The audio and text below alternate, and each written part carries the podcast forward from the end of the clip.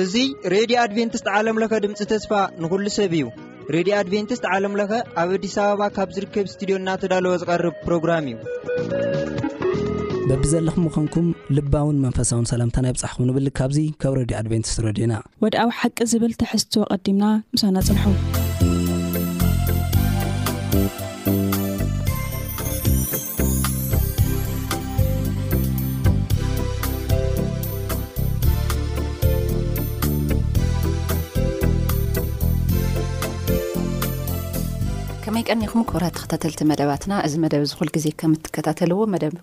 ውድዓዊ ሓቂ እዩ ቅድሚ ናብቲ መደብ ምእታውና ከኣ ሓቢርና ክንጽሊ ኢና ንጸሊ ነመስግነካ ሕያዋይ ጓሳ እስካብ ሕጂ ስለ ትሕልወና ብምሕረት ዓይንኻ ስለ ትርእየና ስለ ትርሕርሐልና ነመስግነካ ፍቃደኛ ስለ ዝኾንካ ዕድል እዚ ስለ ዝሃብካና ነመስግነካ ነዚ ንዝሰምዑ ሰማዕትና ከኣ ሂወት ምስ ትርፉ ክኾነሎም ንስኻ ንምሕጸነካ ኣይትፈለየና ስለ ሽም የሱስ ኢልካ መኣድና ባርኸልና ኣሜን። እምበኣርከስ ኣብቲ መእተዊ ከም ዝነገርክኹም እዚ ተኸታታሊ እዚ ንርእዮ መደብ ውድዓዊ ሓቂ ታሽዓይ በጺሕና ኣለና ብዝሓለፈ እንዳረኣናዮ ከም ጸናሕና ብዛዕባ ናይ ኤፌሶን መጽሓፍ ነይሩ ኤፌሶን መጽሓፍ ብቻ ለይኮነ ኣብ ናይ ኤፌሶን መጽሓፍ ውሽጢ ዝነበሩ ዝተኻተቱ መግለጺ ናቶም ትሕዝቶታት ንኤፌሶን ከም ሓደ ምዕራፍ በዚ ሕጂ ሰዓት ልጥቀስ ደሎ ልምንታይ እዩ ከም ዓይነት ተመሳሳሊ ባህሪ ኣብዚ ግዜና ዘይረአ ስለ ደሎ እዩ ከም ሓደ ኣድላይ ነጥቢ ተጻሒፉ በኣርከስ ናብቲ ዝቕጽል ነጥቢ ክንኣትዊና ከም መእተዊ ሓውና ኣማን ክጅምረልና እዩ ራይት ከምዚ ቅድም ኢልኪ ዝበልክዮ ብጥበብ ምንባር ዝብል ሓሳብ እዩ ዘለዎ።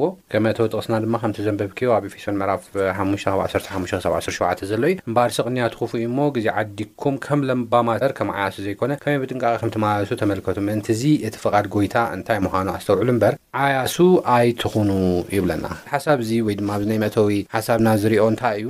ዓለማውያን ክብሪ ዝህብዎ፣ ክርስትና ግና ክብሪ ዘይህብዎ። ዓለማውያን ክብሪ ዝህብዎ ነቲ ብደገ ብሪቕሪቕ ዝብል ነገር ግን ውሽጡ ባዶ ዝኾነ ነገር እዩ። ክርስትያናት ግን ነቲ ደጊኡ ብዙሕ ዘይኮነ ነገር ግን ውሽጡ ክቡር ዋጋ ዘለዎ እዩ።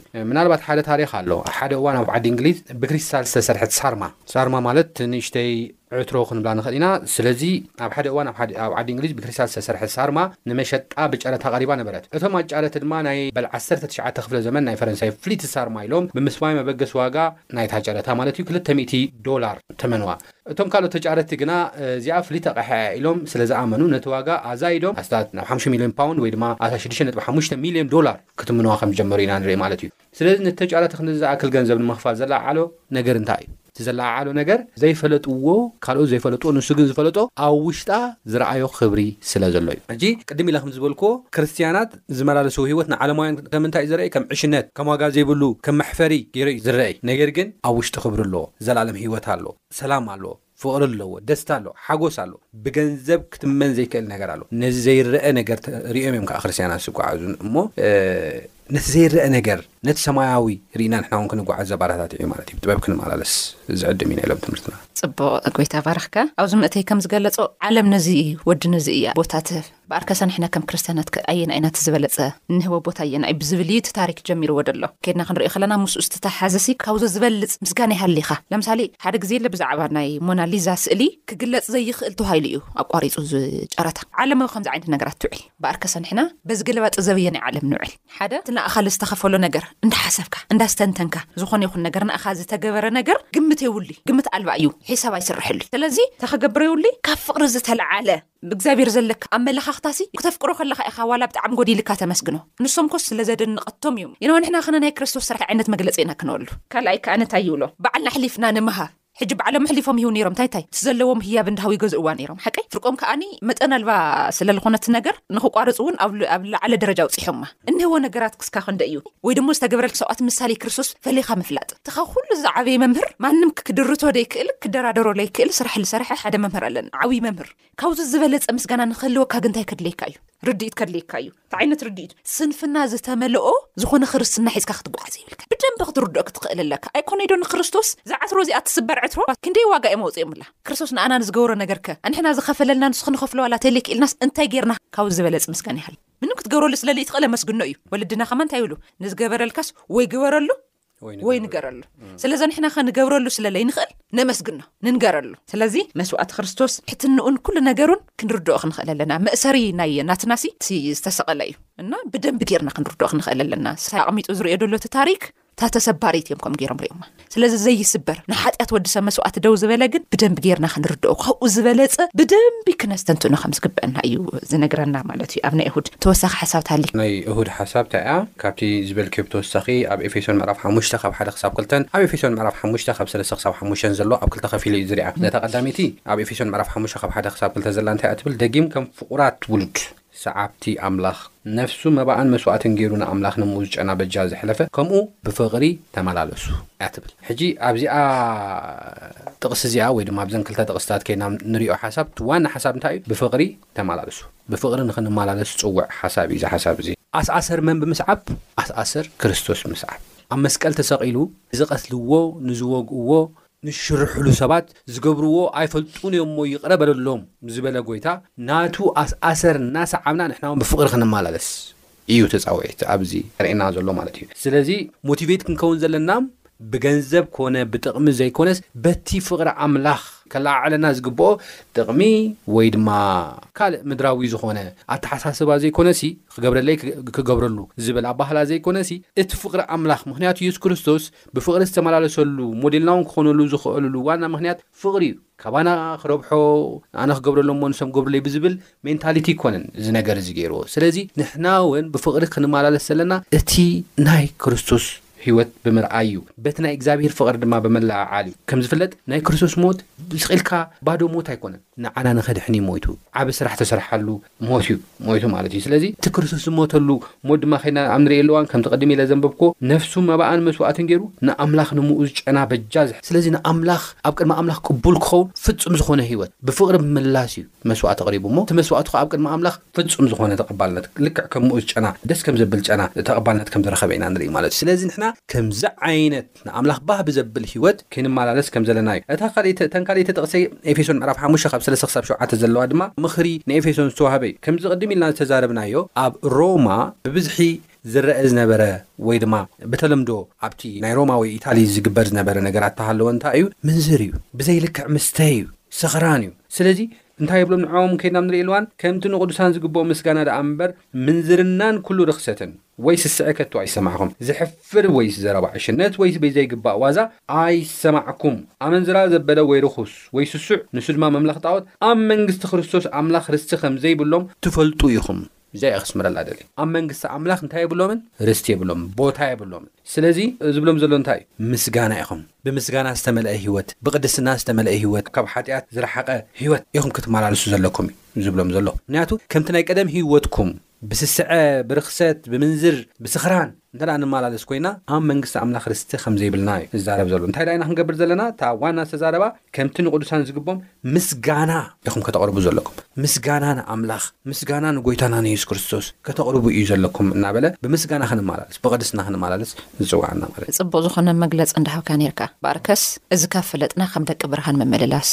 ስለዚ እዚ ኩሉ ሰሚዕና ኣለና ሰማዕትና እዚ ኩሉ ተነቢቡልና ኣሎ ተነጊሩና ኣሎ ስለዚ ናብ ምንታይ እዩ ዝመርሐና እቲ መንገዲ ከም ደቂ ብርሃን ክንመላለስ እዩ ዝዕድመና ስለዚ ደቂ ብርሃን ዘይረግጽዎ ነገር እንታይ እንታይ ክልተ ነገር ፈልዩ ኣቕሚጥዎ ኣሎ ኣብ ኤፌሶን ሓሙሽተ ሓሙሽተ ኣመንዝራን ርኹስን ወይ ድሞ ነቲ ርኹሰትን ዝምነ ርኹስን ነቲ ርኹሰትን ዝምነ ኣመንዝራ እንታይ እዩ እስኪ ማለት ኣመንዝራ ክበሃል ከሎ ሕጂ ሕውሱስ ኢሉ እዩ ዘሎ እዚ ዓለምና ዝህቦ ዓይነት ስርዓት ዘይኮነን ታይ ይብል ትማል እንዳንቦከብ ኢሳያስ ዕስራይ ትሽዓተይ ዓሰርተ ክልተ ብናይ ሰባት ነበረ ነበረና ኣይቀይሮምን ይብል እቲ ሓቅስ ሸፊኖሞ እና እቲ ኣመንዝራ ከብብሃል ከሎ ከመይ ገሊጽዎ ጳውሎስ እስከ ብክልተ መልክዕ ክንሪኦ ንክእል ኢና ኣመንዝርነት ማለት ኖርማሊ ሊትራል ትርጉሙ ከይድና ክንሪኤሉ እዋን እቲ ሰበይቲ እናሃለወቶ ናብ ካልእ ሰበይቲ ከይዱ ዝሓድር ወይ ሰብ ካብ ኪዳን ወፃኢ እወ እታ ሰብ ቫይስ ቨርሳ እታ ሰበይቲ እውን ሰብኣይ እናሃለዋ ናብ ካልእ ከይዳ ተመንዝሮ ምንዝር እዩ ሊተራል ከይድና ንርኢ ኣለዋ እዚኦም ከዓ ኣምላኽ ኣቦና እዩ ኣምላኽ ጎይታና እዩ እናበሉ ካልእ ጣኦታትን ካልእ ተግባራትን ኣምላኽ ዘይፈትዎ ነገራትን ምግባር እዚ ስፕሪቹዋል ኣመንዝርነት ወይ ድማ መንፈሳዊ ኣመንዝርነት እንብሎ በዚ መልክዕ እዚ እዩ ማለት እዩ ስለዚ ቀጺሉ ዘሎ ሓሳብና ከይድና ኣብ ንርእየሉ እዋን ነዞም ሰባት እዚኦም ይብለና መጽሓፍ ቅዱስ ክዛረበና ከሎ ብሰሪ እዚ ወይ ድማ ብሰንኪ ኣመንዝርነት ርኽሰት ስስዐ ስኽራን ዘይግባእ ዋዛ ብሰንኪ እዚ ብሰሪ እዚ ኣብቶም ደቂ ዘይግብ ምእዛዝ ቁጥዓ ኣምላኽ ይወርድ እዩ እሞ ሓደ እኳ ብኸንቱ ዘረባ ኣይስሕትኩም እምበኣርሲ ምሳታቶም ሕብረት ኣይሃልኹም። ፍረ ብርሃን ብሰናይ ዘበለን ብጽድቅን ሓቅን። ቀደም ጸልማት ኔርኩም ኢኹም እሞ ብጐይታና ሕጂ ብርሃን ኢኹም። ንጐይታ ዝሕግሱ እናመርመርኩም ከም ደቂ ብርሃን ኮይንኩም ተመላለሱ ይብለና። ስለዚ ብሰሪ እዚ እታ ናይ መጀመርያ ክሪኣ ዝደሊ እንታይ እያ? ቁጥዓ ኣምላኽ ኣብዚኦም ይወርድ እዩ። ብሰሪ ሓጢኣት፣ ብሰሪ ዘይምእዛዝ፣ ብሰሪ ንስሓ ዘይምእታው። ኣብ ኤፌሶን ምዕራፍ ሓሙሽተ ካብ ሽዱሽተ ኬድና ክንሪኢ ኣለዋን ማለት እዩ። ስለዚ ቁጥዓ ኣምላኽ ክንብል ከለና ኣብዚ ልክዕ ከማና ጌርና ክንሪኦ የብልናን። ናይ ሰብ ቁጥዓ ኬድና ክንሪኦ ከለና እንታይ እዩ ሓደ ትዕግስቲ ውን ዘይብሉ እዩ ምሕረት ውን ዘይብሉ እዩ ከይድና ክንሪኢ ከለና ቁጥዓ ናይ ሰብ ታይ እዩ በቃ ከም ሙድ እዩ ሕጂ እከለ ከምዚ ጌርኒ እከሊት ከምዚ ጌራትኒ እከሊት ሰላም ኣይበለትንን እከሊት ሓስያትኒ ወይ ሰሪቃትኒ ወይ ሰሪቅኒ ኢልካ ከምዚ ኣለኪ ኣብ ሎጂካል ነገር ኣብ ምክንያታውነት ዘይኣምን ትዕግስቲ ዝማ ዘይብሉ ምስ ምሕረት ዘይተቃላቀለ ነገር እዩ ምስ ሙድካ ወይ ድማ ምስቲ ናትካ ኩነታት ተታሒዙ ዝመጽእ እዩ ናይ ኣምላኽ ቁጥዐ ግን ከምኡ ኣይኮነን ከም ናይ ሰብ ቁጥዐ ኣይኮነን ናይ ኣምላኽ ቁጥዐ የስ ቁጥዐ ኣምላኽ ኣብኦም ይወርድ እዩ ግን ቁጥዓ ኣምላኽ ኣብ ኦም ዝወርደሉ ነገር ኣምላኽ ልክዕ ከምዚ ሙዲ ሰብ ኮይኑ ዘይኮነስ ናይ ምሕረት ግዜ ሂቡ ትምህርቲ ሂቡ ትዘድልዮም ነገር ሂቡ ኢቭን ማይንድ ዩ ሕጂ ሳሌም ክትሓስብዮ ዘለኪ ሓደ ነገር ኣሎ ንሱ እንታይ ኢዩ ዓለምና ኣብ ከመይ ዝኣመሰለ ዓዘቕቲ ኣብ ከመይ ዝኣመሰለ ሓጥያት ኣብ ከመይ ዝኣመሰለ ግፍዒ ከምዘላ ትፈልጢ እንዴት ግን ክረምትን ሓጋይን ቀውዕን ጽድያን ኣይተቋረጹን። ካብ መን ዝተላዕለ ካብ ጎይታ ዝተላዕለ እዚ እኮ ጎይታ ዝህቦ እዩ ስቅ ኢሉ ፎር ግራንትድ ዝወሃበና ነገር ኣይኮነን እዚ እንታይ እዩ ዘርእየና ኢቭን ዞ ሓጢኣት ኣብ ዓለም እናበዝሐ እኳ ንሱ ግን ምሕረቱ ስቲል ናብ ከቋርፅ ኣይከኣለን በዚ እኮ ከነስተውዕሎ ንኽእል ኢና ሕጂ ናይ ክረምቲ ወቅቲ ኢና ዘለና ስለዚ ከቋርፅ እኳ ኣይከኣለን ፍፁም በቃ እቲ ምሕረቱ እንታይ ክገብር ከሎ ኢና ንርኢ ከፍስስ ከሎ እቲ ምሕረቱ ኩሉ ግዜ ኣብ መን ኣብቲ እግዚኣብሄር ዝሕዝኖ ዘጉህዮ ኣብ ዝሓለፈ ኢሳያስ ምዕራፍ 63 ቁጥሪ 10 ርኢና ኢና ኢሳያስ ምዕራፍ 63 ቁጥሪ 10 እንታይ እዩ ዝብለና ብሰንኪ ዓመፁ ንመንፈስ ቅዱስ ዝማጎህይዎ እዩ ዝብለና ዓመጽ ንመንፈስ ቅዱስ ከም ዘጉህዮ፣ ንእግዚኣብሄር ከም ዘጉህዮ ይገልጸልና እዩ። ብዓመጽ እናጓሃየ ከሎ፣ ብዓመጽ ደቂ ሰባት እናጓሃየ እኳ እግዚኣብሄር እንታይ ክገብር ከሎ ኢና ንርኢ ግን? ምሕረቱ ክህብ ከሎ፣ ጸግኡ ክህብ ከሎ ኢና ንርኢ። እዚ ኩሉ ሂቡ እንተደኣ ለይተመሊሶም ግን ሓደ መዓልቲ እንታይ ኣሎ እዩ? ፍርዲ ኣሎ እዩ፣ ቁጥዓ ኣሎ እዩ፣ ውሳነ ኣሎ እዩ። ስለዚ ብሰሪ ብሰሪ ዘይምምላስ፣ ብሰሪ ብዓመጾም ብምንባር ካብ ዓመጽ ኣይንፋላለን ኢና ኢሎም ይሙጥኝ ኢሎም ምስቲ በቃ ኣይንፋላለን ኢሎም ኘኽ ኢሎም ምስቲ ዓመጽ ብምንባሮም ብሰሪ እዚ ቁጥዓ ኣምላኽ ኣብኦም ከም ዝወረደ ኢና ንርኢ ስለዚ ናይ ቁጥዓ ናይ ሰብን ናይ ቁጥዓ ናይ ኣምላኽን ይፋላለ እዩ ዝበልኩኺ ናይ መጀመርያ ሓሳብ እዚ እዩ እታ ካልኣይቲ ኸኣ ነቶም ክርስትያናት ዝኾኑ ነቶም ብጎይታ ዝኣመኑ ካብ ክርስቶስ ዝተማህሩ ሰባት ግን እንታይ እዩ ምስኦም ሕብረት ኣይሃለኹ ምስ ሓጢኣቱ ክነብር ዝደሊ ሓጢኣት ከም ደስታ ከም ጽድቂ ከም ጅግንነት ዝወስዶ ሰብ እንተሃልዩ ምስኡ ሕብረት ኣይሃልኻ እዩ። ሓጢኣት እናሃለዎ፣ ክፍኣት፣ ግፍዒ እናሃለዎ ከም ጽድቂ ዝወስዶ፣ እዚ ጽድቂ እዩ፣ እዚ ንዓና is kind of ኢሉ ዝኾርዓሉ ተኾይኑ እዚ ትኽክለኛ ሰብ እውን ኣይኮነን። ስለዚ ምስኦም ከምዚ ዓይነት ሰብ ሕብረት ኣይሃልኻ እዩ ዝብል። Why? Because ክልክመካ እውን ስለ ዝኽእል ማለት እዩ። ስለዚ ንሳትኩም ደቂ ብርሃን ኢኹም፣ ብጽድቅን ብሓቅን እዩ ዝግለጽ። ስለዚ ቀደም ጸልማት ኔርኩም ኢኹም እሞ ብጎይታ ሕጂ ብርሃን ኢኹም ንጎይታ ዝሕጉሶ እናመርኩምኩም ከም ደቂ ብርሃን ኮንኩም ተማላለሱ ከም ደቂ ብርሃን ማለት ጽድቅን ሓቅን ቅድስናን ንኣምላኽ ምፍራህን ምእዛዝን ዘለዎ ህይወት ከም ዝኾነ ይዛረበና ማለት እዩ እሞ በዚ ይመስል እወ እምበኣርከስ ክብራት ሰማዕትና ኣብዚ ሓሳብሳ ክገልጽ ከሎ ሓንቲ ሓሳብ ክውስኽ ይደሊ እዞም ደቂ ዓመጻ ዝበሃሉ ለምሳሌ ሓደ ሰለሞን ክጠቕሰልኩም ሰለሞንሲ እንዳፈለጠ እዩ ናብዘን ናይ ብኣደንስቲ ከይዱ ናብኣን ክኸይድ እንከሎ ከኣ ናተን ከም ዘምልኽቲ ግልጺ እዩ ነይሩ። ስለዚ እዚ ሰብ እዚ ኣነ ከም ዓለም ኣይኾንኪ ከም ክርስትያን እየ። ክርስትያናውያን እውን ሓደ ሓደ ግዜ እግዚኣብሔር ንፈልጥ ኢና እንዳበልና እግዚኣብሔር ዘጽረዮ ኣጽፊፉ ዘምጽኦ ቦታ ንሕና ኣስታይት ክንህበሉ ከይንሙክር በቃ እግዚኣብሔር ዘምጽኦ መንገዲ ዘበለ ኩሉ በና ምኽንያቱ ኣብ ዝቕጽል ቦታ ታይ ድብል ኣታ ዝደቀስካ ተበራበር እዩ ልብል ምኽንያቱ ሲ ክርስትና ኩሉ ግዜ እንዳሓደስካዮ ኢኻ ትኸይድ እንዳተሓደስካ እዩ ዝኸየድ እና ኣየ ትቑጥዓ ሓደ ምስ ትዕቢት ዝተትሓዘ እዩ እንዳፈለጡ ዝተዓቦዩ ሰባት እዮም ትቑጥዓ ዝመጾም ንዘየስተውዕል ኣብ ኢሳያስ እኒኦ ዕስራይ ትሽዓተ ዓሰርተ ሸሞንተ ካብ ደቂ ያእቆብ ሓደ በትሪ ኣልዒለ ብምሕረት ዝመላለስ ዘርኢ ክምስርት እየ ይብል። ብምሕረቱ ንዝኣምኑስ እንታይ ኸገብር እዩ? ምሕረት ክለቅቕ እዩ። ንዝትዕብቱ ግን እንታይ ኸገብር እዩ? ቍጥዕኡ ኽልእኽ እዩ። ትዕቢት ከኣ ንኻ ምንታይ ዘምጽኣት እያ? ካብ ምንታይ ዝመጽእ እንዳ ፈለጥካ እያ። ትዕቢት ብፍልጠት ሕጽረት ዝመጸት ኣይኮነት። ኮነ ኢልካ ትግበር ስራሕ እያ ትዕቢት። ስለዚ ቍጥዐ ትመጽእ ነዚኦም እያ። ክንፈልጦ ልግበእና ማለት እዪ። እምበኣርከስ ርኽሰትን ኣመንዝራን ክገልጽ ከሎ ሰሚዕኹሞ ኔርኩም። ምምናይ ንባዕሉ እውን ኣብ ርኽሰት ምርካብ። ክትምነ እንከለኻ እግዚኣብሔርን እግዚኣብሔር ጥራሕ ኢኻ ድሌትካን ትምኒትካን ክኸውን ድግብኦ። ምኽንያቱ እሱ ሕይወት ምስ ትርፉ እዩ። ትምነ ከለካ ይመጽእ እቲኦም ግን ታይ እዮም ድኮን ነይሮም መጨረሻስ ተታሓሒዙ እዩ ክስካብ ክብሩ ተነጢቁ ሰለሞን ሓቀይ ዘይከውን መጨረሻ ወዲቁ እስከ ከምኡ ኢካ ትግፈፍ ስለዝታ ክንከውን ይብልናይ መጀመርያ ላይ ኣመንዝራ ንፍለጦ ርክሰት ታይ ምኳኑ ንፍለጦ ሽዑ እዞም ነገራት እዚኦም ከዓ ምግባር ጥራሕ ለይኮነስ ምምናይ እውን ሓጢያት ስለዚ እዝን እዝን ፈሊና ካብ ቁጥዐ ኣምላክ ክነምልጥ ያው እቲ ብዙሕ ግዜ ዝንገረና ደሎ ማለት እዩ። እታ ቁጥዐ ግን ፈሊኹም ፍለጥዋ ትዕቢት እያ። ትዕቢት ከኣኒ ፍልጠት ካብ ምንኣስ ትመጽእ ኣይኮነትን እንዳፈለጥካ ትግበር። ኣብ ዝቕጽል ናይ ሰሉስ መደብና ከይና ክንርእዮ ከለና ከኣ ኣንታ ዝደቀስካ ንቓሕ ወይ ደሞ ተልዓል ወይ ተበራበር ይብል። ኣብ ኤፌሶን ምዕራፍ ሓሙሽተ ክሳዕ ዓሰርተ ክልተ ደሎ ከይና ክንርእዮ ከለና ፍረ ዘይብሉ ናይ ጸልማት ናብራ ኣብኡ ኢኻ። ኣነ ኩሉ ግዜ ናይ ጸልማት ናብራ ክበሃል ከሎ ናይቲ ዝጠፍእ ታሪክ ቆልዓ እዩ ትዝ ድብለኒ። ካብ ኣቦኡ ጠፊኡ ከይዱ ካብቲ ጽቡቕ ገዛ ጠፊኡ። ካብቲ ኩሉ ግዜ ከዊሩ ዝነብረሉ ገዛ መጨረሻ ግን ሓሰማ ዘወልዐኦ ምግቢ ክበልዕ ጀሚሩ ስቑ ኢሉ በቃ ከቢድ ዝኾነ ናብራ እዚ ሕጂ ክንዲምንታይ ዝኣክል ካብቲ ናይ ህይወት ዘለዎ ነገር ጠፊእና ከም ዝመጻና ክገልጽ ስለ ዝደለ እዩ ክርስቶስ እቲ ታሪክ ነጊርዎም ንደቀ መዛሙርቲ ኮነ ንሰማዕቱ ማለት እዩ ብኣርከስ ጳውሎስ ከኣ ንንታይ ክብል ደልዩ እዩ ፍረ ዘይብሉ ናይ ጸልማት ስራሕ ወይ ደሞ እንዳሰርሕኹምሲ በቃ ንኸይንነብር የለዓዕለና እዝን ወድን እዝንስ ደጊምኩም ኣይትግበርዎ ኣይትንበርዎ እዚ ናይ ክሳራ ዘመን እዚ ናይ ውድቀት ዘመን እዚ ናይ ጥፍኣት ዘመንሲ ግደፍዎ ምክንያቱ እዚ ሓጢኣት ጸልማት መውጽእ ዘይብሉ ዓዘቕቲ እዩ እግዚኣብሔር ጥራሕ እዩ ዘውጽእ ሰለዚ ካብዝን ወዲ ከምዝን ፈሊና እንወጸሉ መንገዲ እንታይ እንታይ ክንገብር ከለና እዩ ካብዚ ከበድቲ ዓዘቕቲ ዝበሃሉ ነገራት እንታይ ኢና ንጥቀም። ሓሙሽተ ካብ ዓሰርተ ሓደ ክሳብ ዓሰርተ ኣርባዕተ እዩ ዘሎ እንታይ እዩ ዝብል። ከም ደቂ ብርሃን ተመላለሱ ዝብል ቅድም ኢልና ሓሳብ ርኢና ኢና ኢንፋክት ክቡራት ሰማዕትና እናረኣናዮ ዘለና ኣብ ኤፌሶን ምዕራፍ ሓሙሽተ ኣተኲርና ኢና ንሪኦ ዘለና ካብ ሓደ ጀሚርና ክሳብ ዓሰርተ ርኢና ኣለና ሕጂ ከኣ ካብ ዓሰርተ ሓደ ክሳብ ዓሰርተ ኣርባዕተ ዘሎ ሓሳብ ክንርኢ ኢና ማለት እዩ ሕጂ እዚ ሓሳብ እዚ እንታይ እዩ ዝብል ግንሕዎ ደኣ እምበር ነቲ ፍረ ዘይብሉ ግብሪ ጸልማትሲ ኣይትሕበርዎ ግብሪ ጸልማት ክትርእዩ ከለኹም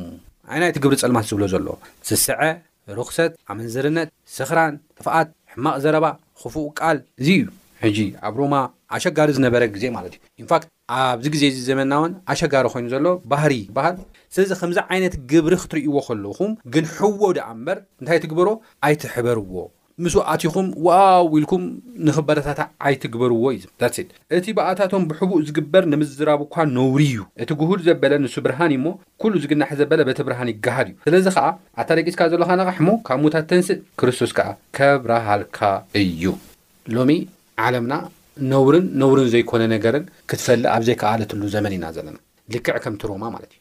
ሮማ ኣመንዝርነት ጥራሕ ኣይኮነን ነይሩ ኣብቲ ግዜ እቲ ሎሚ ግብረ ሰዶም ተባሂሉ ዝፅዋዕ ዘሎ ግብረ ሰዶም እውን ነይሩ እዩ ነውሪ ዝብሎ ዘሎ ነገር እዚ ነውሪ እዩ በቃ ነውሪ ዝኾነ ነገር ነውሪ እዩ እናበለ ክገብር ከሎ ኢና ስለዚ እቲ ግብሪ ፀልማት ብምንታይ ይገሃድ እዩ ብብርሃን ይገሃድ እዩ ነውሪ ምዃኑ ብምንታይ እዩ ዝገሃድ ብብርሃን እዩ ዝገሃድ ስለካትኩም ብብርሃን ክትመላለሱ ከለኹም ነቲ ግብሪ ጸልማት ክትገንሕዎ ከለኹም፣ ከም ፍቓድ ኣምላኽ ክትመላለሱ፣ ቃል ኣምላኽ እናሓለኹም ብቕድስና ክትመላለሱ ከለኹም፣ ኣምላኻዊ ቅዲ ህይወት ባዕሉ Expose ክኸውን ኣይድለኩምን እዩ። እዚ እናበልካ ምንሻው፣ ስም ምጥፋእ ኣየድልን እዩ።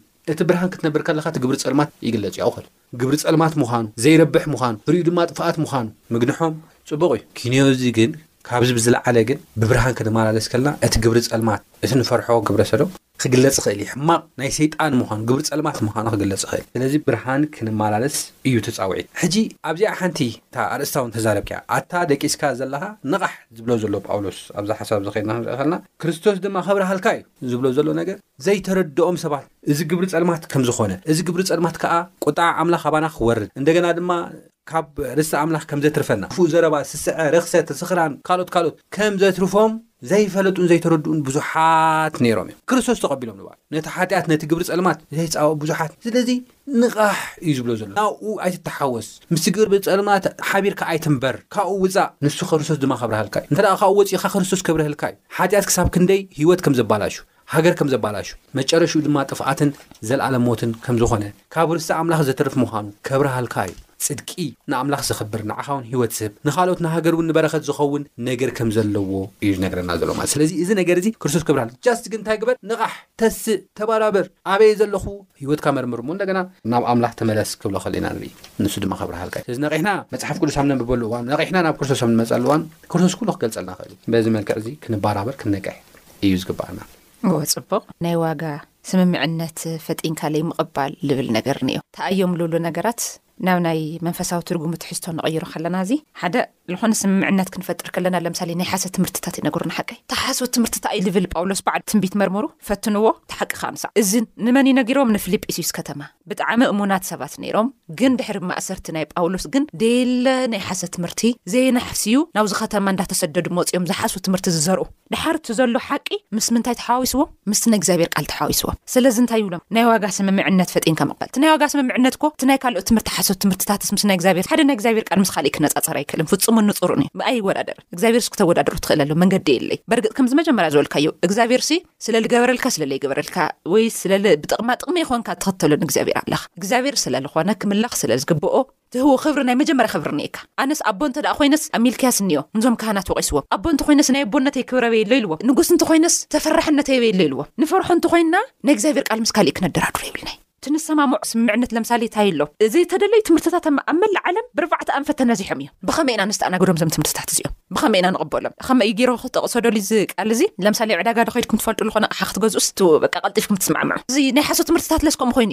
እዚ ናይ እግዚኣብሔር ቃል ንክቅበልዎ ዓመታት ዘመናት ይወስደሎም ዘይረብሕ ትምህርቲ ዘጥፍእ ነገር ግን ብግልባጡ በቃ ሱቅ ኢላ ብዘይ ትረብሖ ዋጋ ትግዛእ ምንም ዝከፈለቶ ነገር ለይብላ ማለት እዩ ኣበይ ነይራ ኣብቲ ስቅለት ሰዓት ኣይነበረት ኣብቲ ፍጥረት ሰዓት ኣይነበረት ስለምንታይ ጥበብ ድብል ደሎ ማንም ሰብ ልዕሊካ መጽዩ ኣፉ ከይከፍት ጥበብ እንተሃሊካ ተስተዑል ኢካ እቲ ጥበብ ከኣ ካብ መንም ኣይኮነይ ዝመጽእ ካብ ናይ ሰባት ፍልስፍና ኣይኮነይ ዝመጽእ ካብ እግዚኣብሔር ዝስደድ ጸጋ ስለዚ ሓወይ ሓፍተይ ስምዓኒ ጥበብ እንክህልወካ ኢካ ዘይረብሕ ዋጋ ካልኦት ቃላት ምስ ናይ እግዚኣብሔር ቃል ኣይተደራድሮን። ስለዚ ኣነ ከመሓላልፎ ልደሊ ከም ጥበበኛታት ክንመላለስሲ ቅድሚኡ እንዳገለጽና ኔርና ፍቅሪ ክርስቶስ ይረዳእኻ መስዋእቲ ክርስቶስ ይረዳእኻ ናይ ዓለም ደሎ ፍልስፍና ትምህርትታት ርኣ ርኣዮ ምስ ናይ እግዚኣብሔር ሽዑ ርኣዮ ዘባኸንናሎም ነገራት እንታይ እንታይ ኣለዉ ናይ ሰባት ፍልስፍና ክንሰምዕ ዶ ንውዕል ናቶም ፍልስፍናት ክንጥቀም ዶኾን ንውዕል ጸገም የብለይ ሓምሳ ፐርሰንት ካብቲ ንወስድ ሓምሳ ፐርሰንት ከኣ ንካባና ሼር ንገብሮም ሽዑ እቲ ክርስትና ጽቡቅ ይኸውን ትበላሽዩ ዶ ኣሎ እቲ ዓብዩ ነጥቢ ባይ ዘ ወይ ሕጂ ሰዓት ሓምሳ ፐርሰንት ካብዚኦም ሓምሳ ፐርሰንት ካባይ ናይ እግዚኣብሔር ቃል ንጹርን ፍጹምን እዩ ከም ወርቂ ዝነጠረ ይብሎ ትቕበሎ ተድሊ ኻብ ብምሉእ ኢኻ ትቕበሎ ተለይኮነ ኻብ ዝኾነ ሓዊስካ ዝኸይድ ናይ እግዚኣብሔር ቃል ንኸምኡ እዩ ዓለም ናይ እግዚኣብሔር ቃል ክንገር ከሎ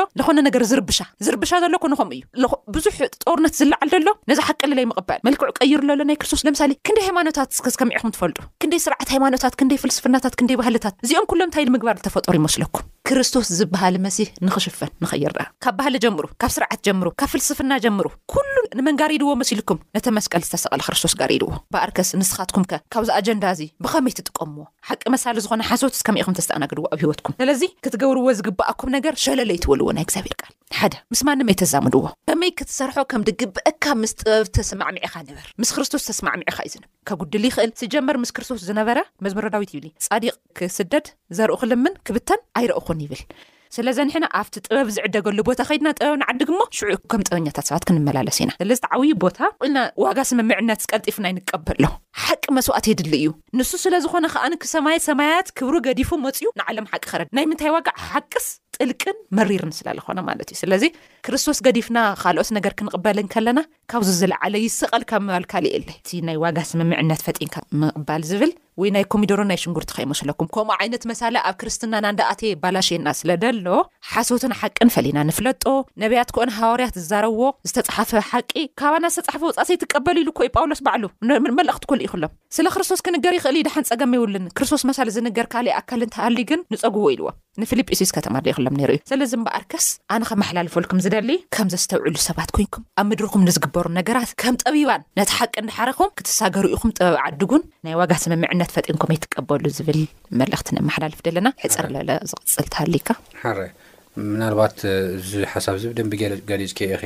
ኣብዛ ሓሳብ እዚኣ ንእሽተይ ጥራሕ እየ ክገልጽ ዝደሊ። ንሳ ድማ እንታይ እያ ትብል፣ ግዜ ዓዲኩም፣ ቅንያቱ ክፉእ እዩ እሞ ግዜ ዓዲኩም ይብለና ግዜ ዓዲኩም እንታይ ግበሩ ከም ለባማት እምበር ከም ዓያሱ ዘይኮነ ብጥንቃቐ ከም እትመላለሱ ተመልከቱ ሕጂሲ ግዜ ዓዲካ ብቕድስና ተመላለስ ግዜ ዓዲካ እንታይ ግበር ፍቓዱ ግበር ንኣምላኽ ዝሕጉሶ መርምር እዚ እኮ ዘርእየና ሓደ ሓሳብ ኮ እንታይ እዩ ዝብለና ዘሎ እቲ ግዜስ ሙሉእ ብምሉእሲ እግዝኣብሄር ንኹላትና ግዜ ማዕረ ይህብና። ዕድግ ኣቢልኩምስ ፍቓድ ኣምላኽ ግበሩ እዩ ዝብለና ዘሎ። ብኻልእ ኣባህላ እቲ ግዜኹምስ ተጠቀሙሉ፣ ኣይተባኽንዎ፣ ክባኽንሰ ኣይትፍቀድሉ።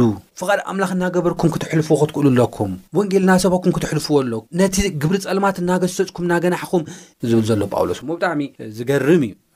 እዚ ግዜ እዚ ምስ ግዜና ኣዝዩ ገጣሚ ዝኾነ መልእኽቲ እዩ ኢለ እየ ዝሓስብ። ብመንፈስ ዝተመልእ ኣምልኾ ይብል ዝተመለወ ኣምልኾ ልብል። ሓሳብዚ እንታይ እዩ ዝብል ዝርገት ኣለዎ እሞ ቦይና ኣይትስከሩ ግናኸ ብመዝሙር ምስጋናን ብመንፈሳዊ ቅኔን ብልብኹም ንጎይታ እናጣኔኹምሉን እናደረስኩምን ነንሕድኩም እናተዛረብኩም መንፈስ ይምላእኹም ንኣምላኽን ነቦን ስለ ኩሉ ነገር ብስም ጎይታና የሱስ ክርስቶስ እንታይ ግበሩ ነንሕድኩም ብፍርሃት ክርስቶስ እዙዛት ኩኑ ይብለና እዚ ሓሳብ ዝነግረና ነገርታ እዩ ዝብል ሓሳብ ብመንፈስ ዝተመልአ ህይወት። መንፈስ ቅዱስ ምሉእ ህይወትና ዝተቖጻጸሮ ህይወት ክንመርሕ ክንክእል ኣለና። ኣእምሮና ክቆጻጸሮ ዘሎ ኣልኮላዊ መስተ ኣይኮነን። ኣእምሮና ክቆጻጸሮ ዘሎ እዚ ማሕበራዊ ሚድያ ኣይኮነን። እዚ ምድራዊ ነገር ኣይኮነን። ኣእምሮና ኩሉንትናና ክቆጻጸሮ ዘሎ ወረ ናይ ሰባት ኣይኮነን። ገንዘብ ኣይኮነን። ኣእምሮና ክቆጻጸሮ ዘሎ መንፈስ ቅዱስ እዩ። ኣብ ምድሪ ነበርካ፣ ሃፍቲ ኣፍረኻ፣ እንደገና ድማ ክብሪ ረኸብካ ስልጣና ረኸብካ ኩሉ እንታይ እዩ ጠፋኢ እዩ እቲ ዘይጠፍእ ሰማያዊ እዩ ድሕሪ ሞት ትንሳኤ ኣሎ ድሕሪ ትንሳኤ ከዓ ዘለኣለም ሂወት ኣሎ ነቶም ብኡ ዝኣምኑ ከም ፍቓዱ ዝመላለሱ ዓይኒ ዘይረኣዮ እዝኒ ዘይሰምዐቶ ኣብ ልቢ ሰብ ዘይተሓስበ እግዚኣብሔር ነቶም ዝፈትዎ ዘዳለወሎም ነገር ምርካብ እዩ ከም ፍቓድ ኣምላኽ ምምላስ ማለት እዩ እሞ ንሕና ኣእምሮና ክቆፃፀሮ ዘለዎ እቲ መንፈስ ቅዱስ እምበር እዚ ምድራዊ ነገር ከም ዘይኮነ እዩ ነገረና ዘሎ እወ እዞም ከም ምስኻር ኣተሓሒዝዎም ዘለዉ እንታይ እዩ ካብ እግዚኣብሔር ዝረሓቐ ህይወት ከም ስኽራን እዩ ካብ እግዚኣብሔር ዝረሓቐ ህይወት ከም ምንዝር እዩ ከም ጣዖት ምምላኽ እዩ ስለዚ ካብ ፍቓድ ኣምላኽ ዝረሓቐ ኩሉ ከምዚ እዩ ዝቑጸር። ስለዛ ንሕና ግን እንታይ እዩ ኣብ ምድሪ። ንእግዚኣብሔር ከምልኹ ከም ዝተፈጥሩ ብመንፈስ ኣምላኽ ተመሊኦም ዝነብሩ ሰባት ክንኸውን እዩ ዝኹላይ እዚ ዕድመ ዝግበረልና ደሎ። ብመንፈስ ምምላእ ልብል ነገር ግን እቲ ፈቓዱ እንዳፈለጥካ ምንባር እዚ ኣምልኾ ከኣኒ ፈሊና ክንፈልጦ ኣለና ብትሕትና። እቲ ዘሎ ክነሳልጦ ከም ዝግበእና እዩ ዝነግር። እምበኣርከስ እዚ ዝነበረና መልእኽቲ ንኾነ ትምህርቲ እዚ ይመስል። ኣብ ዝቕጽል እስካብ ንራኸብ ጸጋ ኣምላኽ ምስ ኩላትና ይኹን። ሰናይ ቅነ። ንዘለኩም ሓሳብ ወይ ሕቶ ግን በቲ ልሙድ ኣድራሻና ናብ ዓለም ለኸ ኣድቨንቲስት ሬድዮ ድምጺ ተስፋ ንኹሉ ሰብ ቁጽሪ ሳጹን ፖስታና ሚእትን ኣርባዓን ሓሙሽተን ኣዲስ ኣበባ ኢትዮጵያ ወይ ድማ ቁጽሪ ስልክና ዜሮ ትሽዓተ ዓሰርተ ዓሰርተ ኣርባዕተ ሓምሳን ሓደን ዜሮ ሓሙሽተ ወይ ድማ ብ ዜሮ ትሽዓተ ሰማንያን ትሽዓተን ሰብዓን ሸውዓተን ኣርብዓን ሓሙሽተን ቴስዓ ኢልኩም ክትድውሉልና ወይ ድማ ብናይ ኢመይል ኣድራሻና tig song at gmail dot com።